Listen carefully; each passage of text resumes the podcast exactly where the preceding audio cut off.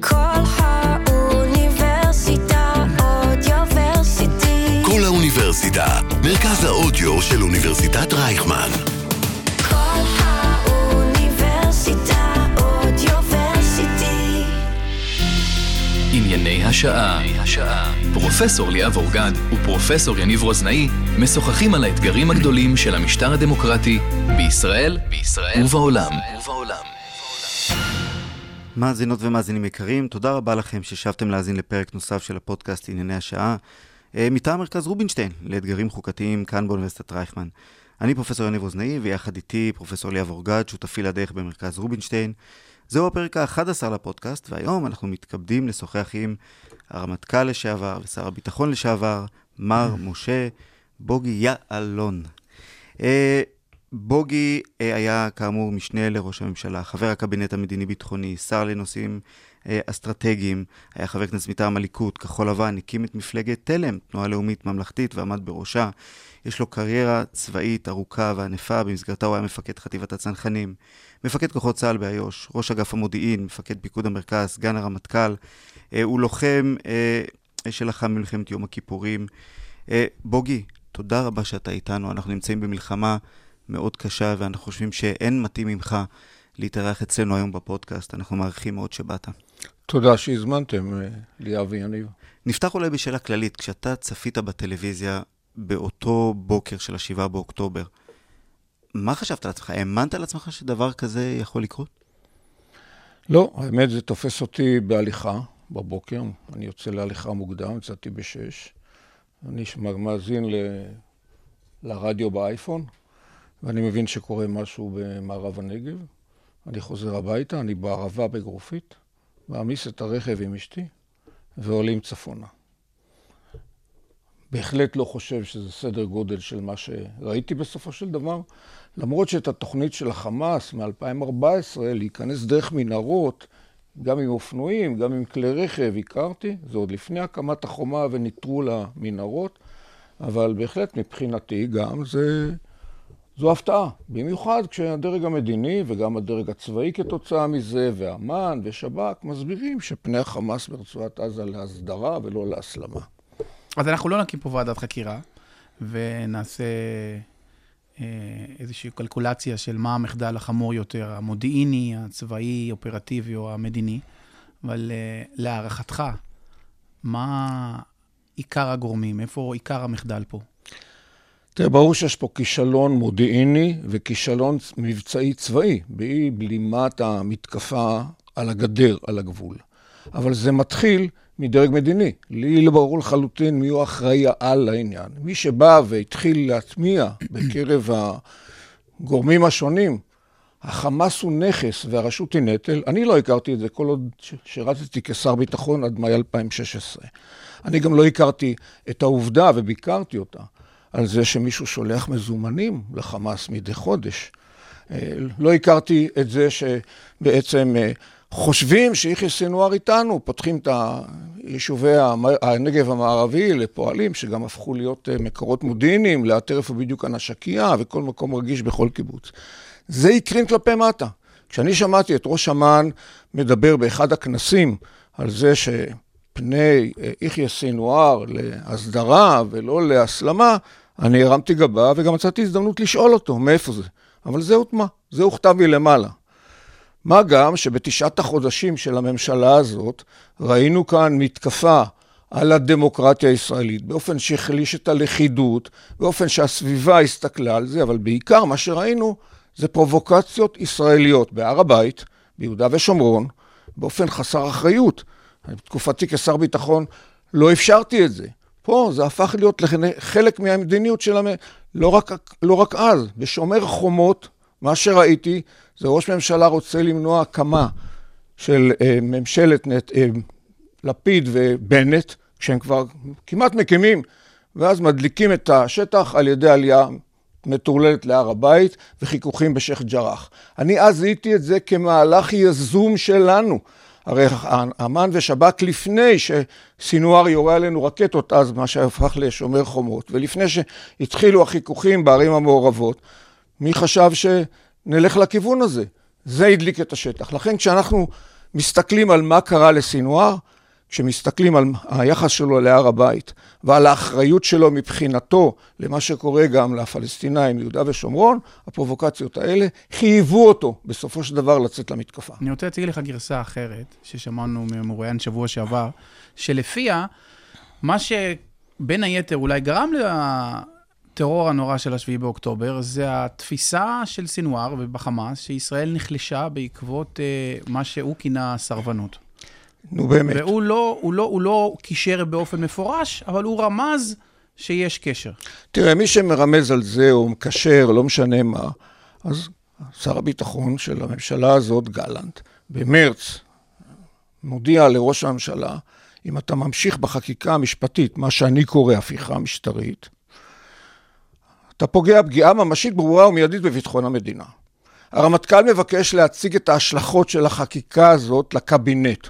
הוא לא עשה את זה עד היום. מדברים על יולי, לפני חקיקת הסבירות, הרמטכ"ל מבקש להיפגש עם, עם ראש הממשלה. כן. עד היום. ולא- ולא- לא ניתנה לו ההזדמנות. אתה, אתה מבין מה קורה פה? לכן אני אומר, יש אחראי על. בסוף יש אחריות לרמטכ"ל, יש אחריות לראש השב"כ, לראש אמ"ן, הם יודעים את זה, גם לוקחים אחריות.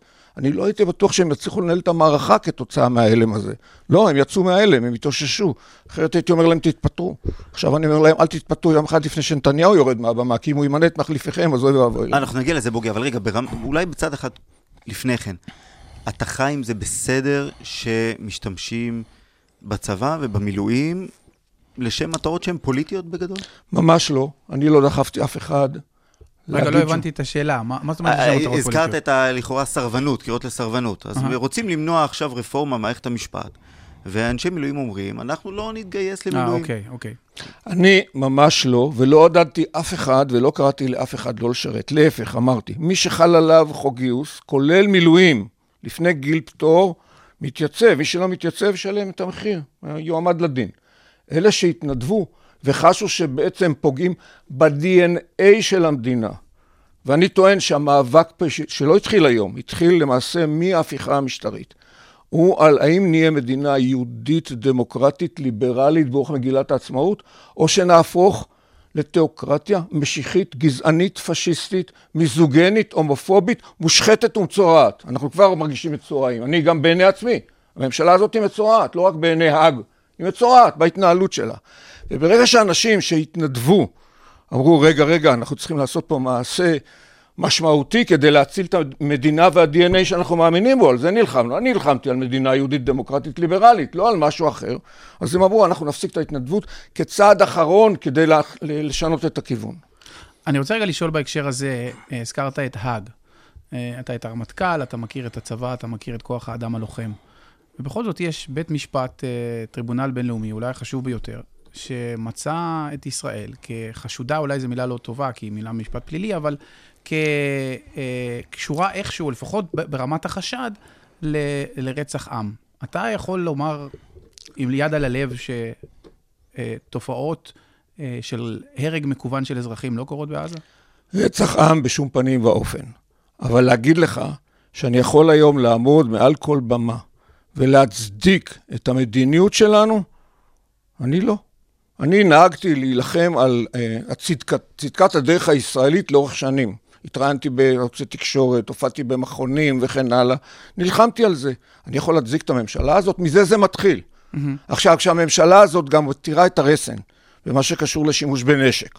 אני חוויתי את זה בסוגיית אלאור עזריה כבר אז. שבעצם אומרים, תראו, מה זה תראו? אין סכנת חיים, מה פתאום? הוא יורק אם הוא חושב שמגיע לערבי הזה למות? מה זה, הוא מוציא אותו להורג? התרת הרסן הזאת הביאה לצערי גם לזה שמישהו ירה ביובל קסטלמן, זה ששלף אקדח בירושלים. וחיסל את שני המחבלים, וחייל אה, קל הנדק בא וירה בו למרות שהוא זורק את הנשק ואין סכנת חיים, למרות שהוא פותח את החולצה, גם צועק שהוא יהודי, לא משנה. וזה לדעתי גם עניין החטופים שהצליחו בתושייה רבה להשתחרר מ- מ- מ- מש- משביים. נורו עם דגל לבן וכולי. לכן אני בהחלט מודאג מהאווירה שמשודרת מלמעלה. אתה יודע מה? שר לביטחון לאומי. יש שאלה בכלל, האם יכול מישהו עם שמונה הרשעות, שיש בהם תמיכה בטרור והפרעה לחייל ולשוטר במילוי תפקידם וכן הלאה, להיות אחראי על המשטרה במדינת ישראל? להגיד לך שנתניהו שאני הכרתי היה נותן את זה? לא היה נותן את זה. כל מה שמוביל אותו עכשיו זה ההישרדות האישית. וברגע שצריך להישרדות האישית את סמוטריץ' ובן גביר, שהפכו לזנב שמחשקש בכלב, באופן שאני לא יודע להסביר את המדיניות שלנו, עם כל האמירות חסרות האחריות, למחוק בית חווארה, סמוטריץ', שורפים 40 בתים, השבוע במד"א שרפו בתים, זה עובר ככה אצלנו. יש לנו גיבנת ענקית, ומי שאחראי על על זה, זה מי שאפשר להם בכלל להיכנס לתוך אבל אני הממשלה חושב שתס- והקבינט. שתסכים איתי שאין הרי מדיניות של הרג מכוון. אז אני שואל אם זה, אם זה לא עניין, ואני מקווה שזה לא עניין של מדיניות, אז מה, מה השתבש לנו? אני זה חושב, עניין של טראומה, זה איפה, איך הגענו למצב שמספר ההרוגים הוא כל כך גבוה, ושבית הדין בהאג אה, מוצא ראיות לכאורה לעבירה החמורה בספר החוקים? רגע, ואני אוסיף לזה לפני שאתה עונה, בוג... אם, אם באמת, ה... נקרא לזה, הרוח שיורדת מלמעלה היא שלא יוצא אף אחד חי מפיגוע, אז הדבר הזה גם אתה מחלחל, צודק, כלומר... אתה ל- צודק, תראה, הכללים שאני מכיר, זה אם יש מישהו שמרים ידיים מאויביך, אתה לא יורה בו. רק בסכנת חיים. הרגע, האינטרס שלנו גם, לצורך העניין, בלחימה בעזה, שהיא מורכבת מאוד, אם מחבלים נכנעים, אז הורגים מהם. אני לא בטוח שזה לא נעשה, תסלחו לי. אני קורא את מה שמספר רופא מילואים בצנחנים, שהופיע בסוף השבוע בעיתון. אני מתחלחל, גם בקלות של פתיחה באש, גם בביזה. זאת אומרת, אני גדלתי ואני רוצה לגדול במדינה שהערכים שלה, היהודיים, הם ערכים כאלה שמחלחלים אל פקודות הצבא, כמובן החוק מייצג את זה. אני קראתי לזה, מבחינתי, המבחן הראשון מבחינתי, כשיצא לי להרוג, מה לעשות? כשהיה אלאור עזריה, אני אמרתי, רבותיי, אין פה אחד בכנסת הזאת שראה חיילי אויב ומחבלים יותר ממני ונאלץ להרוג אותם. נאלץ, זה הכלל, מבחינתי, קדושת החיים, הוא לקם להורגך, להשכם להורגך, אם הוא לא קם להורגך, אתה לא יורה בו. ופה כשמדברים על לחסל להרוג, אלה אנשי המשיחיות של העליונות היהודית, שרוצים פה שטח נקי מערבים, כולל ערביי ישראל, תשימו לב, זו תפיסתו של הרב דוב ליאור, שמייצגים אותה היום בקבינט הישראלי, סמוטריץ' ובן גביר. להגיד לכם שזה לא מחלחל? זה מחלחל.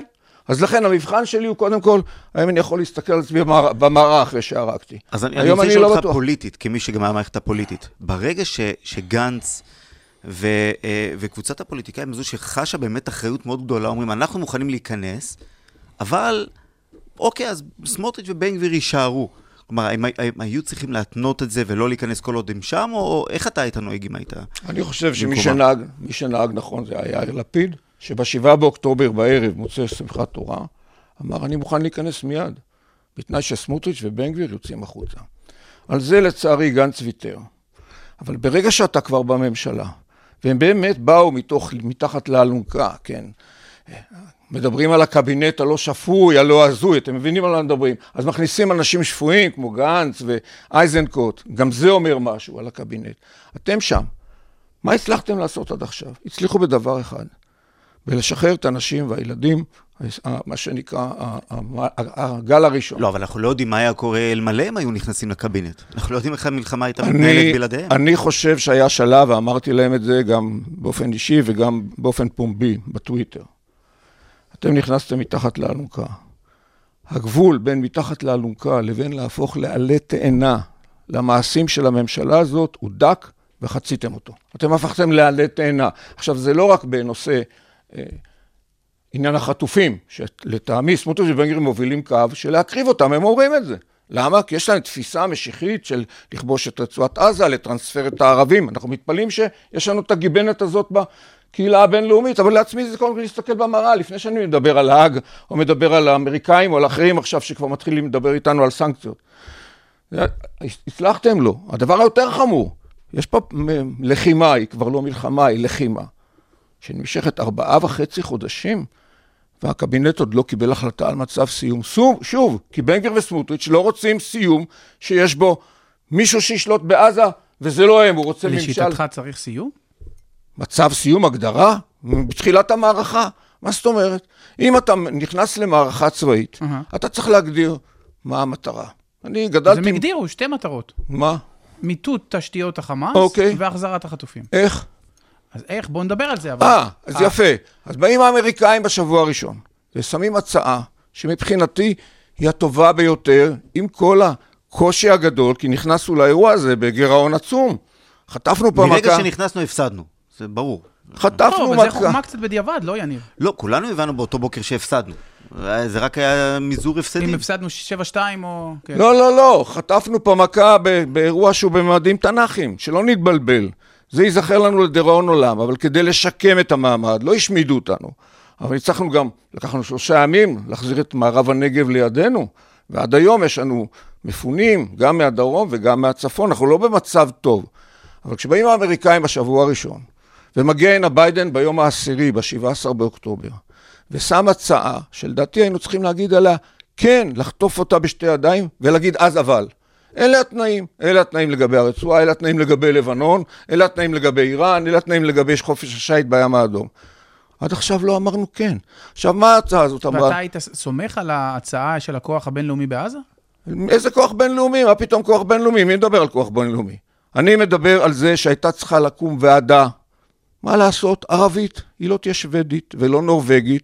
מטבע הדברים מקשרים אותה לרשות. מה לעשות? מה האלטרנטיבה? חמאס או ג'יהאד איסלאמי.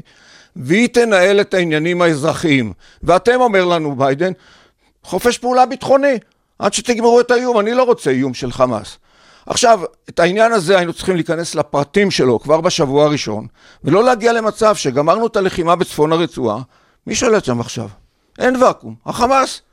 זה הנזק. אחרי ארבעה וחצי חודשים, אחרי שהקזנו דם, יזע ודמעות, החמאס חוזר לשלוט שם כי אנחנו מתקשים לקבל החלטה, כי סמוטריץ' ובן גביר רוצים לכבוש מבית לבית, ליישב, ורוצים בסוף מינהל אזרחי וממשל צבאי. אני לא זוכר שהקבינט קיבל החלטה כזאת. אנחנו נגררים לשם בגלל אי יכולת של נתניהו לקבל החלטה.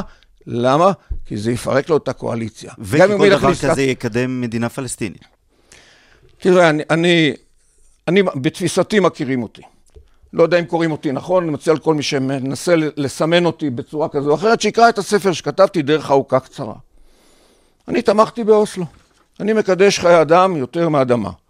אבל כשהתפכחתי מהאשליה, כשהתוודעתי לפרטים של אוסלו, וזה קרה עוד בימי רבין, זכרו לברכה, או לפני הרצח, הייתי ראש אמ"ן שלו.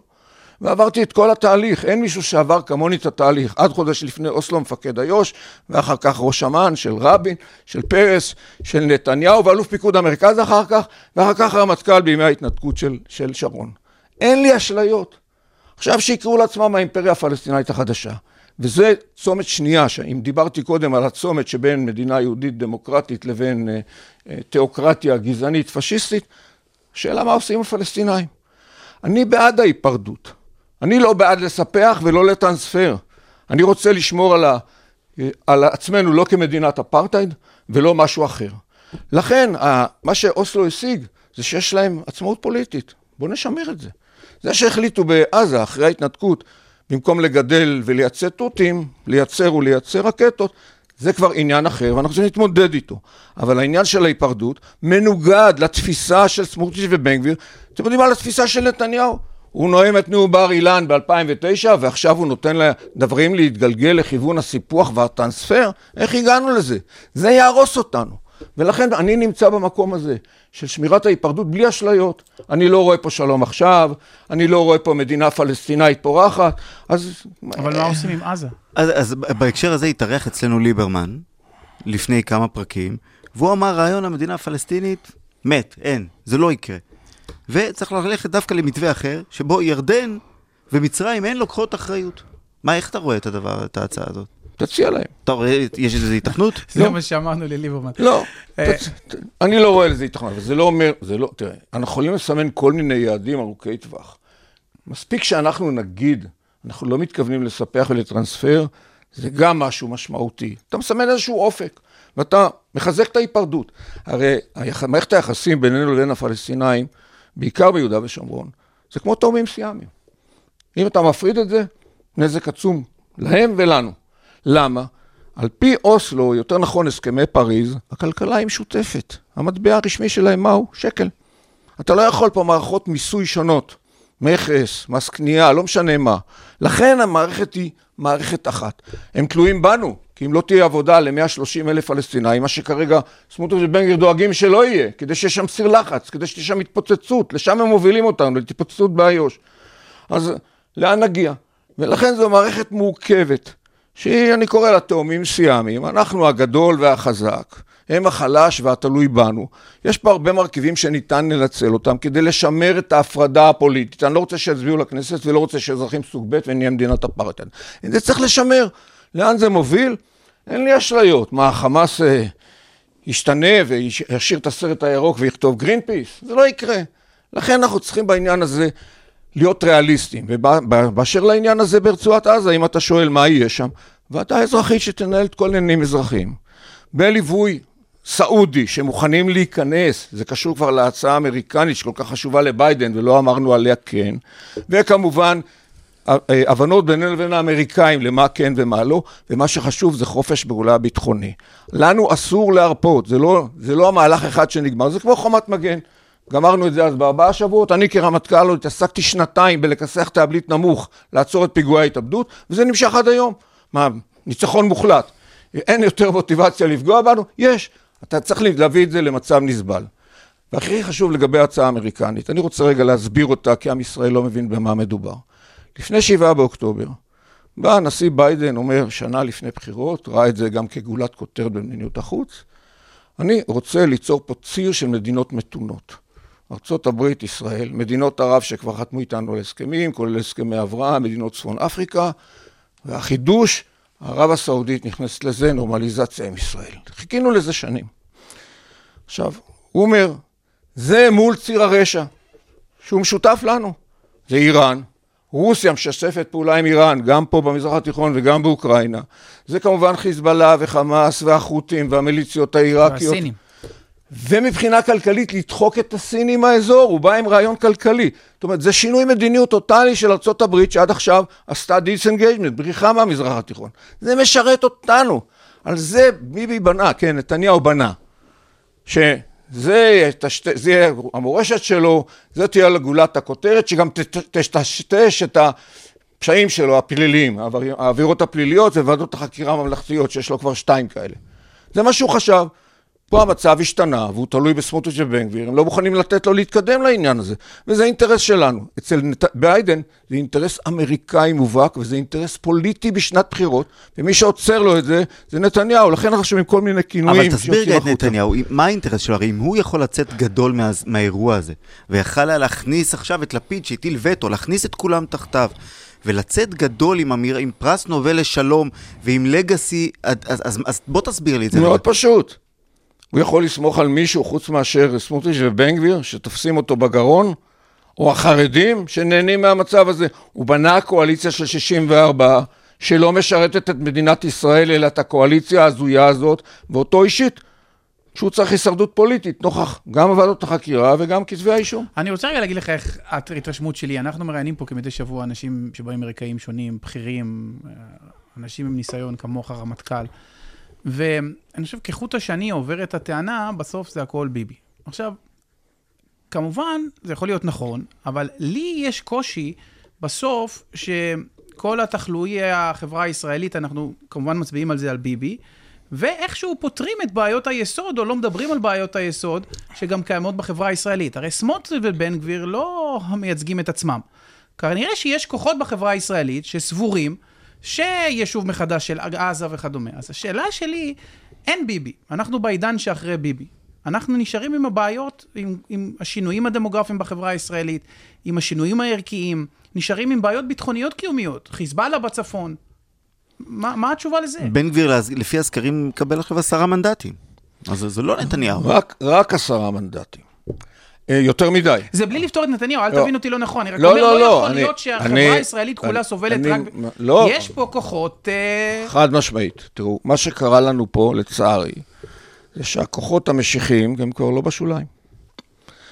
חלקם אפילו לא יודעים מה המשנה של הרב דוב ליאור והצביעו לסמוטריץ'. אני אומר את זה מתוך ניסיון, כי אני מקורב לדתיים הלאומיים, אני כבר לא קורא לזה ציונות דתית, כי השם הזה הושחת על ידי סמוטריץ'. וכשאני מדבר על משיחיות, הם אומרים לי, מה, על מה אתה מדבר? אמרתי להם, מה הצבעתם? סמוטריץ'. אתם מכירים את המשנה של הרב דוב ליאור לגבי העליונות היהודית? הוא נשא נאום לפני שבועיים בכנס ההזוי הזה בבנייני האומה, כן, כנס הניצחון. הוא דיבר על הארץ המובטחת. זה מהפרת ועד אה, נהר מצרים, יש כאלה אומרים זה הנילוס, יש כאלה אומרים נחל אל-עריש, זה לא משנה. וזה שטח שצריך להיות נקי מערבים. כשבן גביר מדבר על לחרחר מלחמה, הוא עושה את זה מול ערביי ישראל, הפעם הוא לא הצליח, הוא די מאוכזב מזה שערביי ישראל נוהגים באחריות. יש פה תפיסה שלמה, אידיאולוגית, שהם רוצים להפוך אותה לפרקטיקה. לכן גם ההתעקשות, לא לחלץ את החטופים, להקריב אותם, יותר חשוב התפיסה הזאת. לא לאפשר אה, ועדה אזרחית שתנהל את העניינים ברצועת עזה. אנחנו, רק אנחנו נחליף אותם. נו באמת. מה, נביא את החמישים מיליארד מהתקציב שלנו ונמנה מושל ומינהל אזרחי? זה הכיוון. אני לא מכיר החלטת קבינט בעניין, אבל מושכים לשם. עכשיו, אני טוען שמה שסיבך אותנו זה העובדה שנתניהו עוסק בהישרדות אישית. יש תנאי הכרחי והוא לא מספיק, אתה צודק. תנאי הכרחי כדי לתקן את המדינה זה שהוא יפנה את הבמה. תשמע, אדם שפוי, הגון, שאכפת לו מהמדינה, שמשרת את המדינה ולא את עצמו, בכלל היה מתמודד לבחירות עם כל החבילה שהוא בא איתה.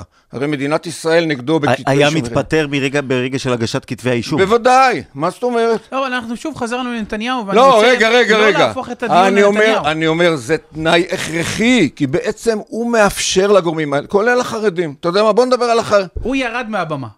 ירד מהבמה, נשארנו עם מתנחלים. יש לנו עם מה להתמודד, אבל אני טוען שגם היום יש כ-20 אחוז שתומכים בדרך הזאת, בין אם כאלה שמאמינים בה, בדרך המשיחית, או בין אם כאלה שנהנים ממנה, שזה כולל את אלה שהצביעו לבן גביר ולסמוטריץ', סמוטריץ' בקושי עובר את אחוז החסימה, בן גביר עולה, כי הוא יודע לתפלל את זה בטיקטוק ובכל מיני מקומות אחרים, והחרדים שנהנים מזה.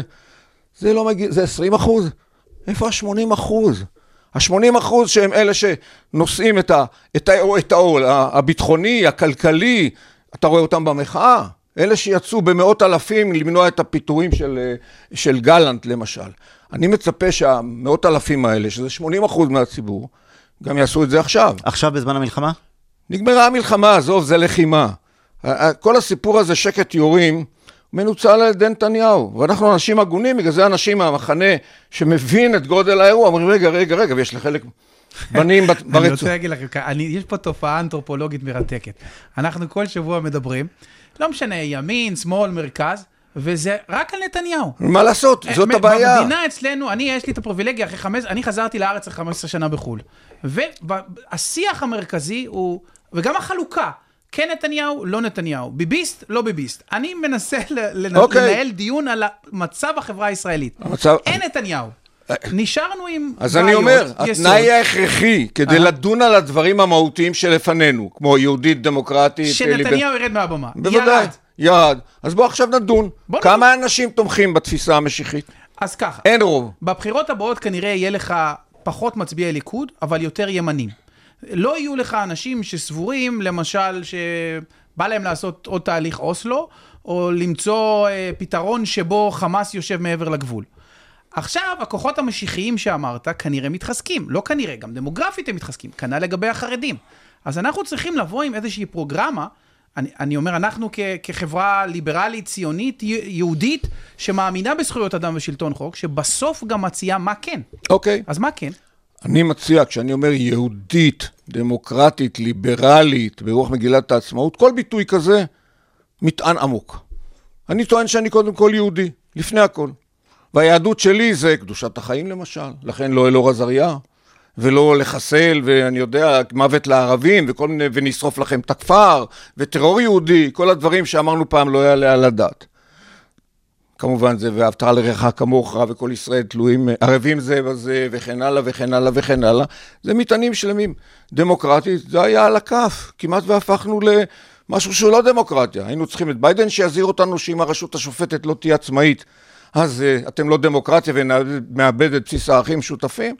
לכן, לשמור על הדמוקרטיה, על הפרדת רשויות, יש דבר שחסר לנו בהקשר הזה, ואני חושב שהדבר הראשון שהייתי עושה, אם מדברים פה על בחירות, ומבחינתי כמה שיותר מהר, זה להישען על קואליציה שבסופו של דבר מובילה לחוקה. אין לנו חוקה, לכן ראש ממשלה יכול להיבחר גם אם הוא עבריין. לכן ראש ממשלה אין הגבלת קדנציות, וזה הרבה יותר מהותי. איך סמוטריץ' שינה דרך חוק הלאום את רוח מגילת העצמאות בנושא השוויון, ללא הבדל מין, גזע, דת ולאום? איך הוא שינה את זה? אז אני רוצה לאתגר אותך, בוגי. כדי לקבל חוקה, צריך להסכים על ערכים. מאה אחוז. החברה הישראלית היא שבטית. מה יש במשותף ליהודי ליברל כמוני, עם מתנחל, עם חרדי ועם ערבי מאום אל-פחם. אז אני אגיד לך, לא? לא, אז אני אגיד לך, מה? להגיד לך מי יכול להיות קואליציה שמאמינה ביהודית ודמוקרטית? מי הליכודניקים האמיתיים, לא הביביסטים, ולא בתוך הליכוד יש היום גורמים כהניסטים. יש, חלקם כבר לא מצביעים לליכוד, אבל תסתכל על אנשים שאני הייתי איתם בליכוד, כמו בני בגין ודן מרידור ומיקי איתן ורובי ריבלין וכן הלאה. יש עוד כמה כאלה, אבל המצביעים שלהם שהצביעו לטובת העניין הזה, ולא לטובת, ה, לטובת המשיחיות והסהרוריות שיש שם, כל מיני אנשים בלי לציין שמות, הם יכולים להיות חלק מהקואליציה. וכמובן אנשי דתיים לאומיים, שהם לא ציונות דתית אה, סמוטריצ'ית ולא בן גבירים. אה, כן. נפתלי בנט, איילת שקד. אני, אני לא רוצה שמות, אני אה, חושב, אני, אני, פוגש. אני פוגש אנשים כאלה במחאה, אנשים עם כיפות במחאה. ואחר כך, כמובן, יש עתיד ומחנה ממלכתי ו- וישראל ביתנו והעבודה, מרץ, אלא אם כן אתה בעד מדינת כל אזרחיה, אז אתה לא בעד יהודית ודמוקרטית, ומנסור עבאס. זה אירוע. מנהיג ערבי שבא ואומר, אני יודע שאני חי במדינה יהודית ודמוקרטית, טוב לי עם זה, אני אדאג לאנשיי. זה קואליציה של 80 איש, 70 ומשהו, 80 איש. עם זה צריך ללכת. אתה לא תלוי בסמוטריץ' ובן גביר, וגם לא תלוי בסחטנות של החרדים. הם ירצו להצטרף, אני לא עושה להם דה-לגיטימציה, כי אני גייסתי הכי הרבה חרדים בדרך לא של ללכת נגד, אלא ללכת עם. ולשמח... והצלחתי. אני אף פעם לא נכנסתי בהם בדה-לגיטימציה, אני מכיר את המורכבות שם, אני מכיר את זה שאנחנו גוררים פה סיפור ארוך שהוא פצע ושהוא צלקת, לא משנה מה. צריך להתנהג עם זה כך, אבל לסחוט, כמו שעכשיו עומד גולדקנופ, ובעצם נהנה מ-1.7 מיליארד שקל, אין בעיה לפתור את בעיית הדיור לצעירים החרדים. אברך מקבל כסף, דמי קיום, כמו שצנחן מקבל בשירות סדיר. לאן הגענו? תמיד עשינו את ההבחנה הזאת, וזה בוודאי לא מעודד אותם להיכנס ולהשתלב. לכן קואליציה כזאת יכולה לדאוג להשתלבות של כל הסקטורים למיניהם, שנראים כאילו בלתי אפשריים. מנסור עבאס הוא בעד השתלבות. אני בעד השתלבות של החרדים, אבל בלי הסחטנות שלהם, לשים את זה בגבולות. למשל, התוכנית שאני, בזמנו הייתה תוכנית גיוס על פי יעדים, להגיע בסוף ל-1,800 תלמידי ישיבה. לא יותר. שהם יהיו, יהיו באוהלה של תורה. כל השאר, או שירות לאומי או שירות צבאי. את הפוליטיקאים שלהם זה לא מעניין, יש רבנים שמבינים את זה. רגע, שאי אפשר. בוא- אתה יכול לפרט על זה קצת? איך אנחנו פותרים את מתווה, מהו מתווה הגיוס הרצוי מבחינתך? כי זה הולך להיות עכשיו האישו בשבועות הקרובים. אי אפשר לעשות את זה בבת אחת. וכל מי שאומר, ואני שומע פוליטיקאים אומרים, חוק שכל בן 18 יתגייס. זה החוק. רק אנחנו מחריגים, מחריגים ערבים, מחריגים נשים דתיות, מחריגים נשים דרוזיות, מחריגים חרדים, תורתם אומנותם. כשאני ניגשתי אל זה כשר ביטחון, בסופו של דבר בממשלה שבה הייתי, הצגנו מתווה. והמתווה אמר, משנה לשנה יתגייסו יותר. איך? על ידי זה שנאפשר. לפתוח מסלולים, כן, זה מגביל את הצבא, יחידות שהן רק על טהרת הגברים. שילובם בנחל חרדי וצנחנים וגבעתי על פי דרישת המתגייסים, הם רצו צנחנים וגבעתי. שירות אה, טכנולוגי, זה השירות הכי מוצלח. מה זה שירות טכנולוגי? בחיל האוויר, חיל הים, מודיעין ולוגיסטיקה. נותן להם אתה- הכשרה. הכשרה הם באים עם יכולת למידה בלי מקצועות ליבה. שלושה חודשים ראשונים הם לומדים ולומדים מהר. לומדים עם מתמטיקה, אנגלית, מחשבים, הופכים להיות הייטקיסטים, ואתה נהנה מהם בשירות. יותר מזה, ומסיים- ובאזרחות הם אה, עובדים כבעלי משתל... מקצוע? משתלבים. אז אני אספר לכם סיפור. אני כיושב ראש ועדת משנה, ועדת חוץ וביטחון, מגיע לביקור ביחידה מסווגת. מי שמארח אותנו, מקבל את פנינו, חרדי. לוקח אותו הצידה, שואל אותו ככה היסטוריה וכולי. כבר היה אז, הוא היה עשר שנים בקבע. הוא אומר לו, ואיך אתה מתקבל בחברה? אז הוא אומר, תראה, לפוליטיקאים החרדים יש בעיה איתי. כי אני מוכיח שאפשר לשרת ולשמור על אורח חיים חרדי. ואני לא תלוי בהם, יש לי דירה של 100 מטר רובע, אני לא תלוי ב-60 מטר שלהם, יש לי מכונית, משפחה טובה, אורח חיים חרדי לגמרי, לא תלוי בהם. את זה הם לא אוהבים. על זה אנחנו צריכים להתגבר. זה תמיד הסיפור על מנסור עבאס, שהוא הורס את ה...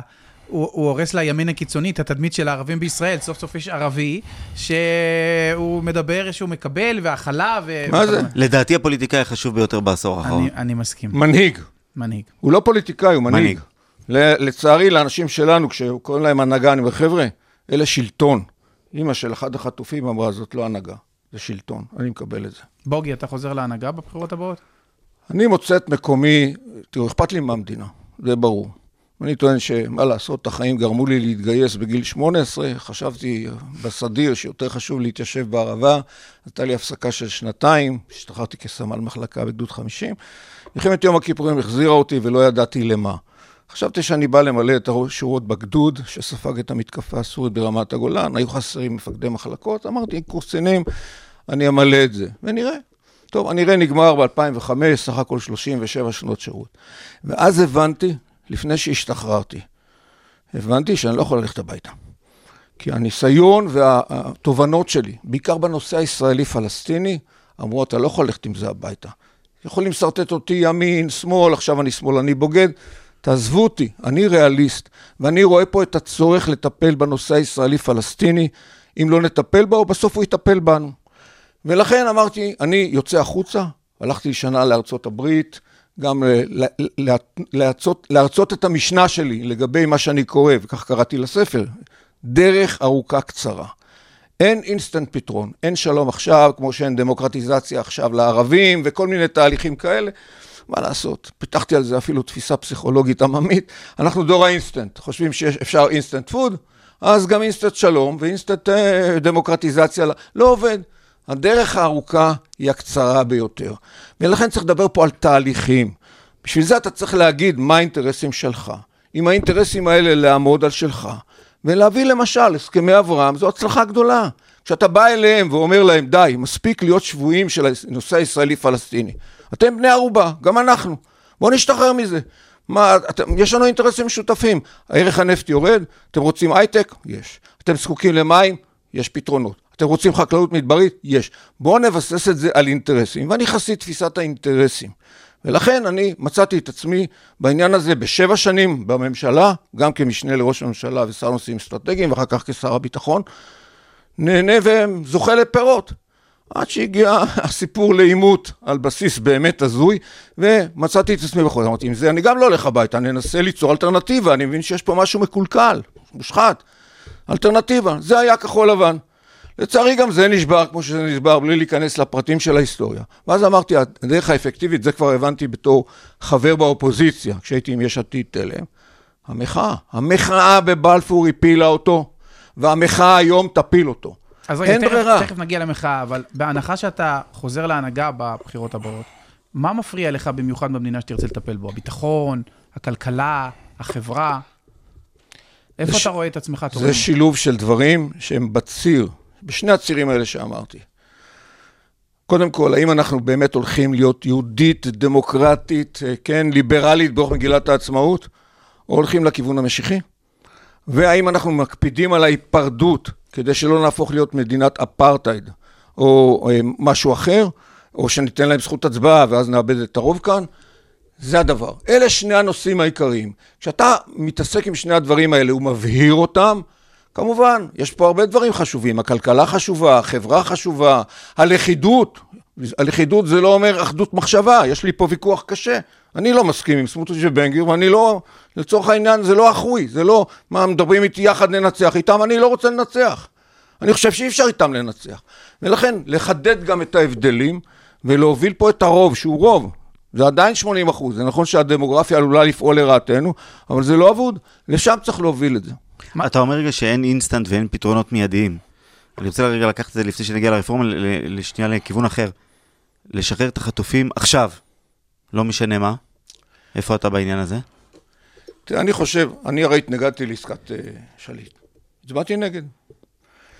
הסברתי את זה גם לאבא, אה, נועם שליט, זכרו לברכה. כי הוא ידע שאני הולך להצביע נגד, הוא בא לשכנע אותי.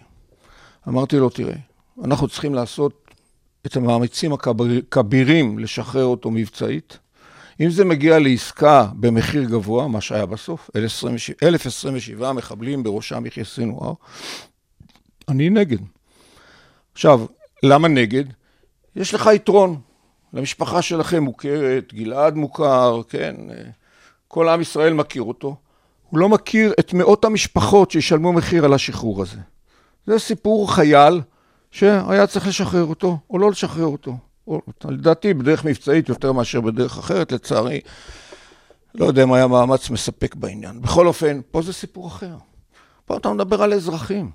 זה מתחיל מ-240, שמרגישים מופקרים, שאם אתה לא משחרר אותם, זו פגיעה בביטחון הלאומי לדיראון עולם.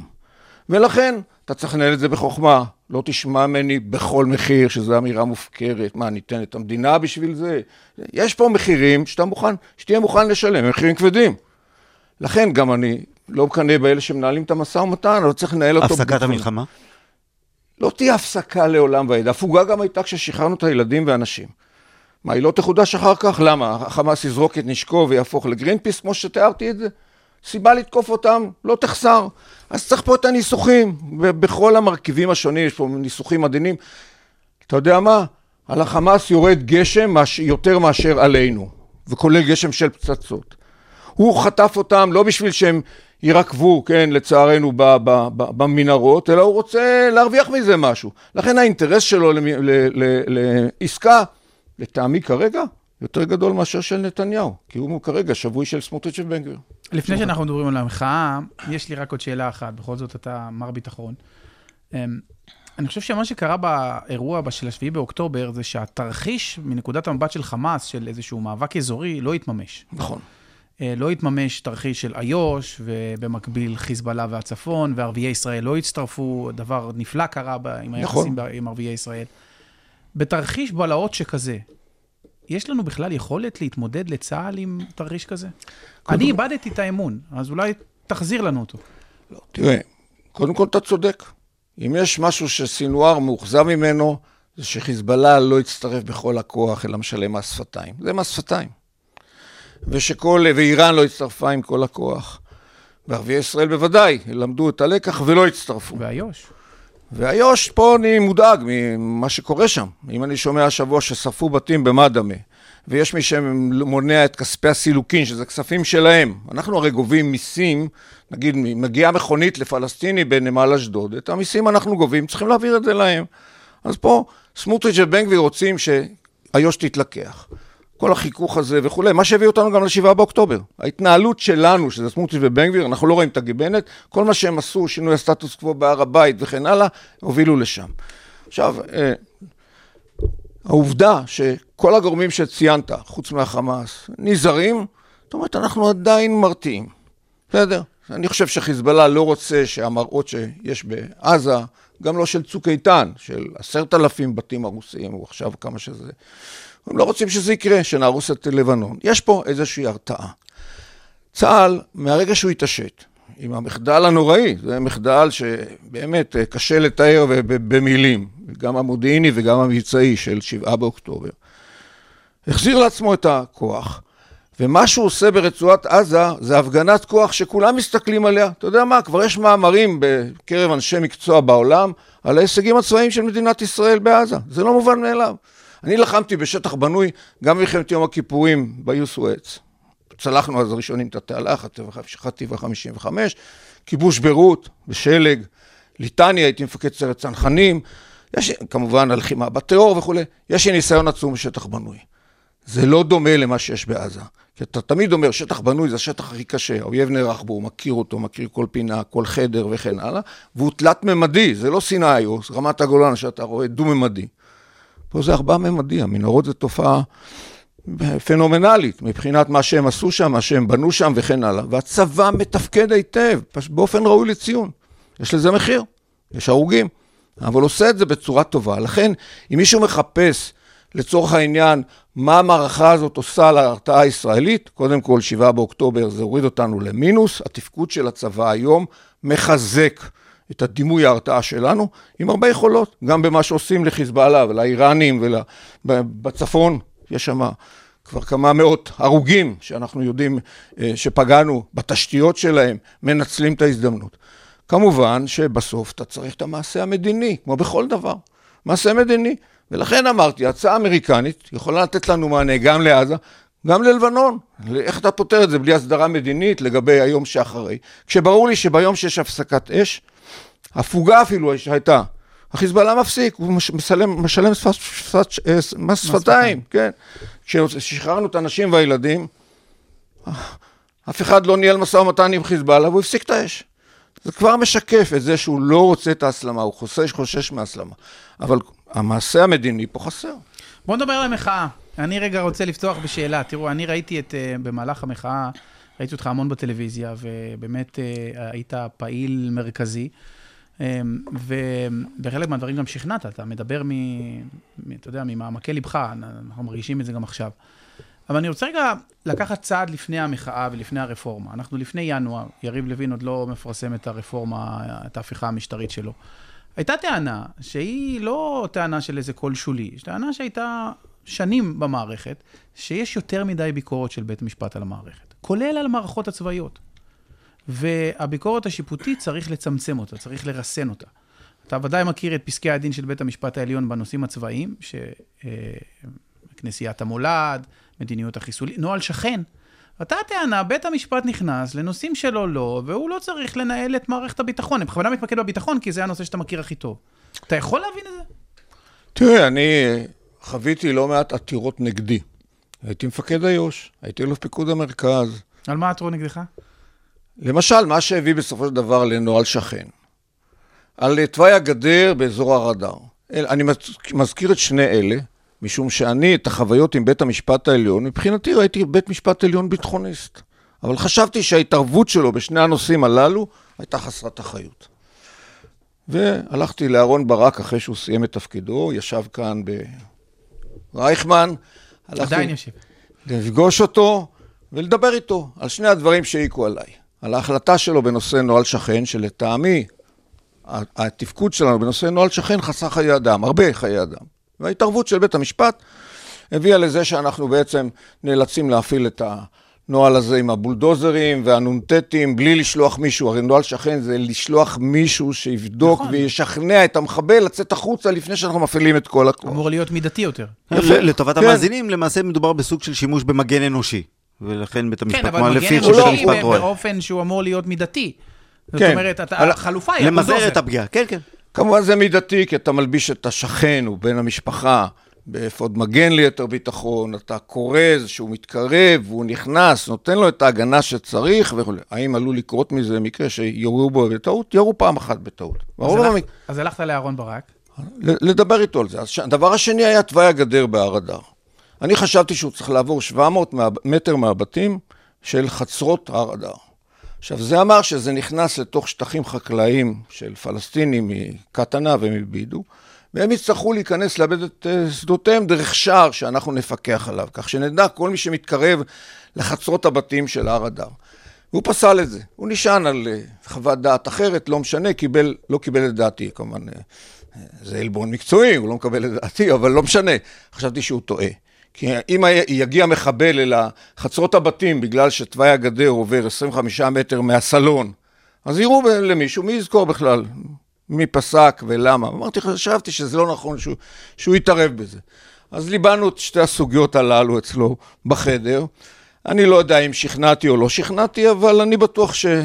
הוא לא שכנע אותך. זר... לא, ודאי שלא, אבל זר... זרעתי ספקות. כן, אבל זה מצוין, זה- על זה אני- על זה אני שואל. למה בית משפט צריך להתערב בשיקול הדעת של שר הביטחון, של מפקד האוגדה, שחושב שזה עניין של חיי אדם? יפה, אז בואו בוא נעגן את מערכת היחסים בין הרשויות באופן אה, יותר מוסדר, ולא שמישהו יחשוב שצריך להיות יותר אקטיביסט שיפוטי, או מישהו יחשוב אחרת. לכן יש מקום לדיון הזה. רגע, אתה אבל חושב שנושא מקום- כזה, בוגי, נושא כזה בכלל צריך להיות נושא לדיון בבית משפט? נושא צבאי כזה? אני חושב שלא. אני חושב שלא, אבל תראה, אני שמחתי שבית המשפט נתן לי חותמת על הסיכול הממוקד, למשל. עכשיו, אני, אני, הרי אנחנו לא בחלל ריק, אנחנו בעולם פתוח. חלק מהבעיה שלנו עכשיו בהאג, זה שהם רואים מה עושים פה ברפורמה המשפטית. זה מוריד את החיסונים שלנו.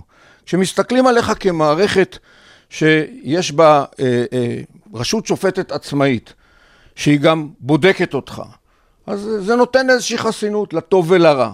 עכשיו, תראה, אם כל האנשים היו טובים והגונים וכן הלאה, גם הפוליטיקאים ו- וגם החיילים, המפקדים, לא הייתי מודאג. לכן יש מקום לזה. תראה, הכנסנו, כתוצאה מהמעורבות של המערכת המשפטית הבינלאומית, עם החשש של האג, ICC ובית המשפט הגבוה לצדק, הכנסנו פיקוח משפטי בתוך הצבא, כדי להיות בטוחים. וזה בסדר, הם לא מתערבים לי בשיקולים המבצעיים, אבל אם הם רואים שיש פה איזו נעשה, זה לא מידתי. חלק מהכללים של המערכת הבינלאומית שגם חלים עלינו והם גם ערכיים, פרופורשנליטי, מידתיות. אז זה שיש מישהו שמעיר לך בזה, זה בסדר גמור. במיוחד שיש לך גם אנשים חסרי אחריות כמו השר לביטחון לאומי, הוא חייב, חייב פיקוח. אז רגע, בוא נתקדם. אז בנושאים ביטחוניים, אתה אומר, יש נושאים שבית המשפט לא אמור היה להתערב, עדיף להשאיר את זה למערכת הביטחון. עכשיו בוא נרחיב את זה רגע. אז ביקורת נוספת אומרת, יש נושאים מדיניים. הייתה החלטה שקיבלה הכנסת, חוק, שקיבלה הכנסת, הוראת שעה, שאמר, בגלל, אני מחזיר אותך ל-2005, פיגועי טרור שהיה למאוחמשים, לאותם פלסטינים שנכנסו לישראל במסגרת איחודי משפחות, מדובר על עשרות אלפים, היו פיגועי טרור, אותם אנשים היו מעורבים, חוסמים את הגבולות. בא בית המשפט, אמנם בסוף זה היה שישה מול חמישה, אבל אהרן ברק הוביל מהלך שבעצם ביקש לפסול, לא, פסל את החוק. רגע, שישה חמישה שאמרו בסוף לא לפסול. שאמרו לא לפסול, זה היה בהתחלה בסיבוב הראשון חשין היה בדעת הרוב, אחר כך, אבל היה, אתה יודע, זה נפל על חודו של קול. אז ההבדל בין פסילת החוק ולא פסילה, בין כניסה של עשרות אלפי פלסטינים דרך האופציה של איחודי משפחות, הייתה עניין של כל אחד בבית המשפט. אז אומרים אנשים, תראה, בנושאים כאלה, הכנסת היא הריבון, ואם זה עניין על חודו של קול, צריך לשנות את הרכב בית המשפט העליון כדי שישקף יותר את מה שרוצה העם. תראה, אני שומע הרבה טענות, הרי מה הייתה הטענה ברפורמה המשפטית בכלל? השופטים בכלל לא נבחרו. מי שנבחר זה הפוליטיקאים, באיזה זכות בכלל הם מתערבים. אני סומך על השופטים יותר מאשר על הפוליטיקאים. צר לי להגיד את זה. רק לא בנושא ביטחון. תראה, לא, אני מדבר כלפי מפקדים. המפקדים יודעים, לא מדבר על uh, בן גביר, אני מדבר על, על אנשים כמוני, כמו הרצי הלוי, כמו רמטכ"לים שאני מכיר. אני סומך עליהם. אני סומך על שיקול דעתם. אבל להגיד את זה היום על פוליטיקאים? אבל, אבל זו פה... דמוקרטיה, לא? אז אתה אומר, אני לא מרוצה מהבחירה, אז, אז, הפעם נחליף את זה בשופטים. ואם לא נאהב את השופטים? תראה, זה, כל המערכת הרי היא מערכת שאתה לא יכול להגיד, זה ראה וקדש. אתה כן יכול לדבר על מערכת שהיא איזונים ובלמים. לכן אני רוצה למשל תקשורת חופשית. כשנתניהו בא להשתלט על גלי צה"ל ולא נתתי לו, אמרתי את זה מתוך נקודת מבט דמוקרטית. מה פתאום ממשלה תשלוט באמצעי התקשורת? גם ערוץ 14, גם בביטון ישראל היום, וגם להשתלט על גלי צה"ל, זו מגמה שלילית. אם אני רואה פה כוונה רעה, וזה מה שראיתי ברפורמה המשפטית, לכן היא באה מתוך כוונה רעה, לחזק את השליטה. גם לפגוע בתקשורת, גם לפגוע באופוזיציה, גם לפגוע ברשות השופטת, ולהשתלט על הכל. מצוין. וזה, אני לא מוכן. אז, אז רק כדי להבין, כי זה נשמע לי עמדה שאני חותם עליה, חלק מהרפורמה, אולי לא כפי שהוציא אותה יריב לוין, יכלת להבין אותה. בוודאי. אבל הכוונה והאופן שבו נעשה, זה, זה מה שהוציא אותך לרחובות. אני, להגיד לך שאני שבע רצון מהמצב הנוכחי, לא. הייתי מוכן לדון עם אנשים הגונים, עם כוונה טובה, גם על רפורמה משפטית, אבל לא על השתלטות של השלטון, חיזוק שלטונו על ידי זה שלא על פיקוח משפטי. לא מדבר כבר על מבקר מדינה ששלו וכן הלאה. תסתכל מה קורה כאן. אתה יודע, כשהוא ניסה להשתלט על גלי צה"ל, אני נזכרתי שכרמלה מנשה, כשהייתי האגדית, כשהייתי רמטכ"ל, היא הוציאה תחקיר קשה עלינו. ואני התקשרתי אליה, אמרתי לה, כרמלה, טוב שחשפת, אני אטפל בזה. אני הכרתי את האמינות שלה, היא זכרה, שהיא זכתה בפרס אמת, אני בירכתי אותה. זה לא נעים שמבקרים אותך, אבל בשביל זה במערכת דמוקרטית אתה צריך להיות בנוי לזה שמבקרים אותך, אתה לא יודע כל דבר, אבל אם אתה בא מתוך כוונה רעה, אין על מה לדבר, ופה יש כוונה רעה. אגב, אני חייב להגיד, גם אני חותם על... כלומר, אני חושב שכל אחד מהמרכיבים ברפורמה, ו- ו- וזה למעשה החוכמה, יש בו גרעין של אמת. ברור, כל אחד מהטיעונים, אתה יכול להגיד, טוב, יש פה איזשהו משהו, אבל לקחו כל דבר כזה לקיצון. זו הבעיה. נכון, אז אה, אני, לא. אני גם מסכים לזה. ברגע שמבטלים את האיזונים ובלמים בדמוקרטיה, זה לא דמוקרטיה. וברגע שרוצים להשתלט גם על התקשורת, והשתלטו על הרבה, הרבה חלקים ממנה, וגם על הרשות השופטת שעוד איכשהו עומדת, בוודאי שאני אתנגד. אני לאן המחאה הולכת? אה, בוא- את- קודם כל, לפני זה אולי בעצם, זה נכון החיבור של, של מטה החטופים עם המחאה, שיש כאלה שאומרים שיש חיבור כזה? שכאילו אנשים מרגישים שמי שיוצא לרחובות, זה אותם אנשים, פה פעם זה היה נגד ההפיכה המשטרית, עכשיו זה החטופים. תראה, מאחר ומשפחות החטופים ביקשו להיות מנותקים מהמחאה, אז התנתקנו. אני לא הולך לכיכר החטופים, אני ליבי איתם, אני, שואלים אותי, אני עונה להם. אני... לכן יש הפרדה במחאה, כלומר, במחאות בוודאי, נפרדות. לכן רגע, יש... למה שם- אתה לא הולך לכיכר החטופים? לא, הלכתי בהתחלה, הבנתי שיש שם מי שמוביל קו, שאסור חס וחלילה לתקוף את הממשלה, כי אנחנו צריכים אותם. בסדר, אני חושב שיש פה אחריות לראש הממשלה. צריך להגיד לו בפנים את מה שהתחילו להגיד לאחרונה חלק מהגורמים מהמשפחות.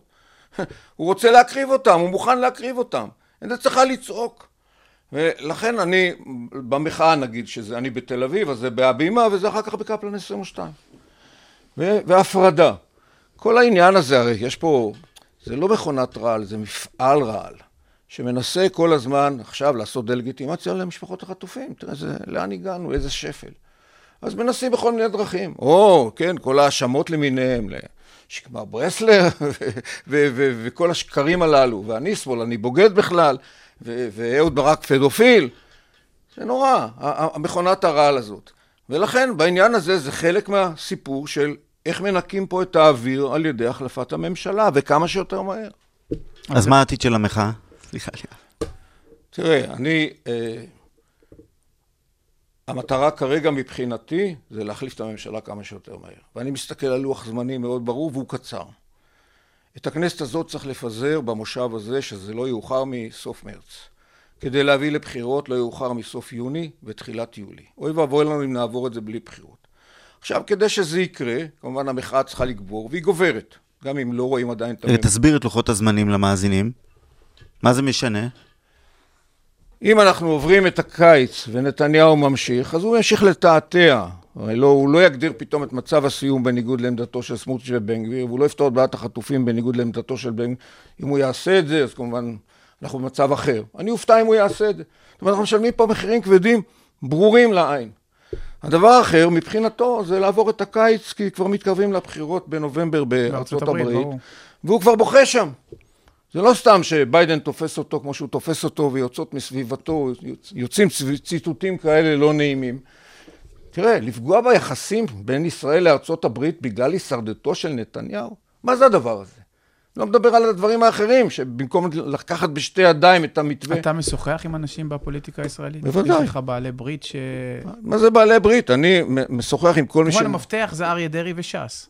אתה משוחח גם איתם? תראה, אני חושב שהמפתח כרגע זה גנץ ואייזנקוט. כי כל עוד הם שם, וחלק מהאנשים מאמינים שהם צריכים להישאר שם, אני חושב שכבר לא.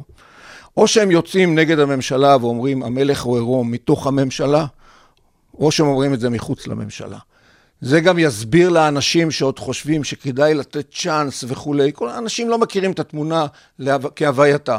אבל אייזנקוט וגנץ הם שם, הם יושבים בקבינט ורואים איך הוא מגלגל את עניין מצב הסיום כבר ארבעה וחצי חודשים ואת עניין החטופים. בואו נראה לאן הוא מוביל את זה. ולכן, שלא לדבר על זה שהם שותפים לתקציב הזוי שמחזק את המשיחיסטים. ואתה אומר להם את כל זה. בוודאי שאני אומר להם את זה.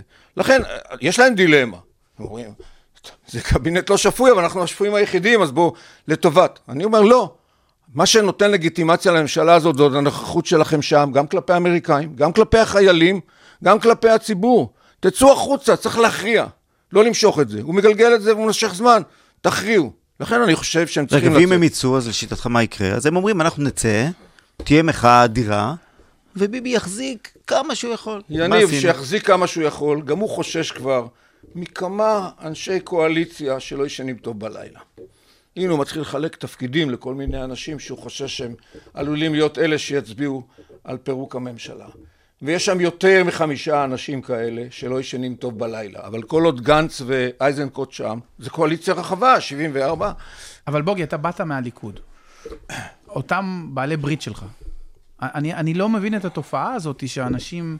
כולם מדברים על זה שמתישהו יעשו מהלך, ואיפשהו המהלך לא קורה. מה, יש פחד? ועוד איך. מה זאת אומרת? מה, מהבייס? לא רק מהבייס, ממה שתוציאו את תעשיית הרעל. אתם לא זוכרים פה כמה אנשים שברגע שהם יצאו מול נתניהו פתאום מצאו את עצמם עם כתבי אישום, סיפורי נשים או כל מיני דברים כאלה? תלכו להיסטוריה. כן, אבל ב- ביום שאחרי המהלך, נתניהו יורד מבמת ההיסטוריה. אבל בשביל זה צריך להגיע למהלך. תראה, אני, אני לא צריך לספר לך. אז ממה הם מפחדים? אני... יש לו מידע עליהם? גם. ודאי, אם הוא מחזיק פה מידע ומשחרר אותו על איש זה או על איש אחר, והאיראנים חדרו להוא, ולזה יש סיפורי נשים. אז את זה אני שמעתי מכמה אנשים, אבל אני לא מבין איך קורה מנגנון כזה שהוא אוסף מידע. מה, רשויות הביטחון אוספות מידע הייתה, מפליל על אנשים? אם הייתה פה מערכת חקירה רצינית, לא חוששת, לא פוחדת, לא יראה מהשלטון, היינו במקום אחר. היינו במקום אחר. כי אני חושב שיש פה שאלות של כספים שהם לא עוברים דרך הליכוד. ובסופו של דבר משמשים לפעולות מהסוג הזה. אתה זוכר את התרגיל שעשו לישראל בכר בדקה ה-90 לפני הבחירות השליש... השלילי... השלישיות? זה משרדי חקירות, משלמים על זה הרבה כסף. פעולות של בוטים ואבטרים וברשת, מכונת רעל שיכולה לשחוט אותך. אנשים יראים, אבל לכן אי אפשר להעביר תקציב מדינה למשרדי חקירות פרטיים בלי שיש על זה ביקורת. מי אמר תקציב מדינה? מה, אין טייקונים שרוצים ששלטונו יימשך פה לעד? ומחזיקים איזה קופה ב' בצד, שבכלל לא עוברת אה, שקיפות ולא מפוקחת? לי זה נשמע מאפיה. ודאי שזה מאפיה, הגדרת את זה נכון. זה מאפיה, על כל, ה, כל המאפיינים של מאפיה. תראה, אז יש- למה היועצת המשפטית לממשלה לא חוקרת דברים מהסוג הזה? כי אני שמעתי את זה מכמה אנשים. לנתניהו יש מידע מפליל על אנשים, אנשים שותקים. תראה, זה סיפור שצריך זה להתחיל. נשמע לי סיפורי מאפיה. אני בעניין הזה עוד לא יודע לבוא בטענות ליועצת המשפטית לממשלה הנוכחית. אבל כי צריך בשר בשביל להביא לה. צריך שמישהו יעשה את זה. מי יעשה את זה? צריך להגיד שמאז, צריך להגיד שמאז אה, הגשת כתבי אישום נגד נתניהו, אין כמעט חקירות נגד, אה, נגד בכירים במערכת בכלל, הפוליטית. בכלל. כלומר, יש איזה, לדעתי, סוג של חשש. ברור, ברור, יש חשש גדול מאוד. לא, תראו, זה שאנחנו מדינה מושחתת, אני חותם על זה. אני, יותר מדי פרשות. שמתישהו אולי יבצבצו, אלא אם כן הוא יכתוב את ההיסטוריה.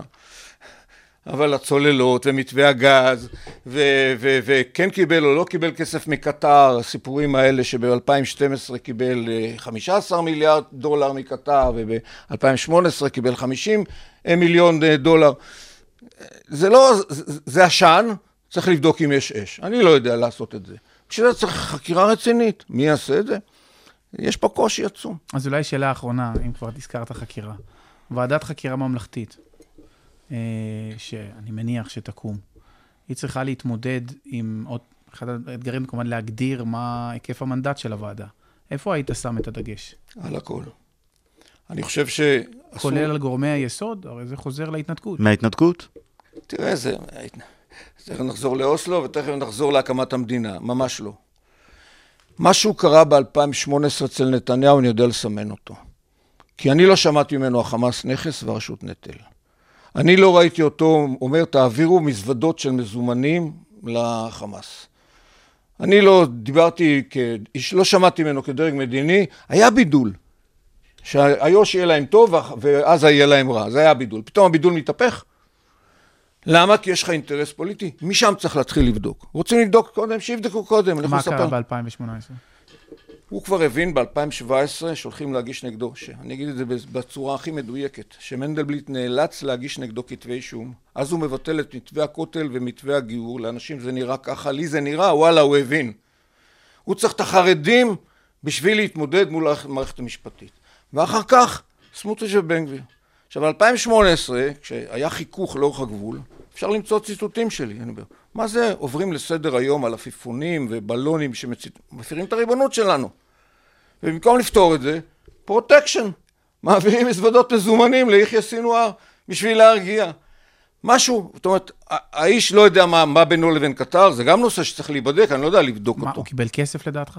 אני שומע מה שאומר יגאל כרמון, מכון ממרי, שיש בעצם מסמכים שמראים שממשלת קטר העמידה 15 מיליון ב-2018 ו-50 מיליון דולר ב-2012 ו-50 מיליון דולר ב-2018. לי אין את ההוכחה שהוא קיבל, לכן זה נושא רגיש, כן, אפילו... אבל אתה חושב שצריך לבדוק. בוודאי שצריך לבדוק את זה. אם יש מידע כזה, תראה, בצרפת בדקו את... אני תמיד חשבתי שזה קונספירציות, מסוג הדברים שאתה יודע, אתה שומע ונשמעים לך כל כך לא הגיוניים. שראש ממשלה יקבל שוחד מקטר כדי לעשות את הדברים הללו, שאתה אומר, זה לא... ליאב, להגיד לך משהו. אני יכול להודות בתמימותי. עד יומי האחרון כשר הביטחון, לא האמנתי שראש ממשלת ישראל יעדיף בצע כסף על פני ביטחון המדינה, אבל אני מתכוון לצוללות למצרים. בסדר? היום אני אומר את זה. שיתבע אותי. אני אומר את זה. והדברים שאתה אומר, לא יעלה על הדעת, זה מחוץ לקופסה לאדם הגון. הכל עולה על הדעת, תראו מה קורה כאן, הכל עולה על הדעת. כשמישהו אומר לי לא יעלה על הדעת, אמרתי תבדוק את עצמך. הרי חלק מהעניין להסביר לאנשים את התפיסה המשיחית, לא יכול להיות. הנה, היה עכשיו תרגיל בפיקוד המרכז. אלוף הפיקוד רצה לתרגל חטיפת פלסטיני על ידי יהודי. חטף מבול של ביקורת. הראשון היה נתניהו, פתאום הוא מתערב, וכמובן המערכת הפוליטית. אפילו הרמטכ"ל הסתייג, אני ביקרתי אותו על זה. אמרתי, תראה, כשאני העדתי בוועדת שמגר על מערת המכפלה כעד מומחה, לא הייתי מעורב. אמרתי, חבר'ה, בשביל... מפקד איו"ש, היה אז מופז, אני הייתי לפניו, או מח"ט חברון, זה היה לא יעלה על הדעת. זה כמו שהייתה תרגולת, תרגיל בבה"ד אחת, פתאום היו מתקילים אותך במדבר שם צוללת בוואדי. לא, זה לא... זה מחוץ... היום להגיד את זה, אחרי טבח של 29 מתפללים ברוך גולדשטיין, להגיד לא עולה על הדעת, על ידי שריפת משפחה, אחרי שריפת משפחה בדומא, משפחת דוואבשה עם תינוק, לא עולה על הדעת, אחרי שריפת נער פלסטיני בעודו בחיים, ממזרח ירושלים, אל חדר, הכל על ידי יהודים, שריפת 40 בתים בחווארה, פוגרום יהודי, כל זה, אז לא עולה על הדעת. הבן שלך, של, של השרה אורית סטרוק, גורר פלסטיני, חוטף אותו, גורר אותו בשדה, נכנס על זה לכלא. אי אפשר להגיד יותר לא עולה על הדעת. ולכן הדברים האלה, במקום שבו אנחנו נמצאים, זה מחוץ לחשיבה של אדם נורמטיבי, הגון, הכל עולה על הדעת. אז אני צריך תמים. להתמודד. אני כנראה תמים. זה בסדר, אני- אני גם הייתי כזה. איבדתי את התמימות. בוגי יעלון, היה לי מרתק. תודה רבה, ממש מרתק. ותודה שהצטרפת אלינו. אתה נראה לי רובינשטיין בכל רמ"ח איבריך, בתפיסות הערכיות. תודה שבאנו, שבאת אלינו. תודה, ובאמת נשתדל שיהיו ימים טובים יותר. ואפשר שיהיו ימים טובים יותר, רק צריך לצאת... צריך. לעבוד בשביל צריך. לצאת לרחוב, כן. הרחוב יציל אותנו. המחאה. תודה רבה. תודה תודה. רבה.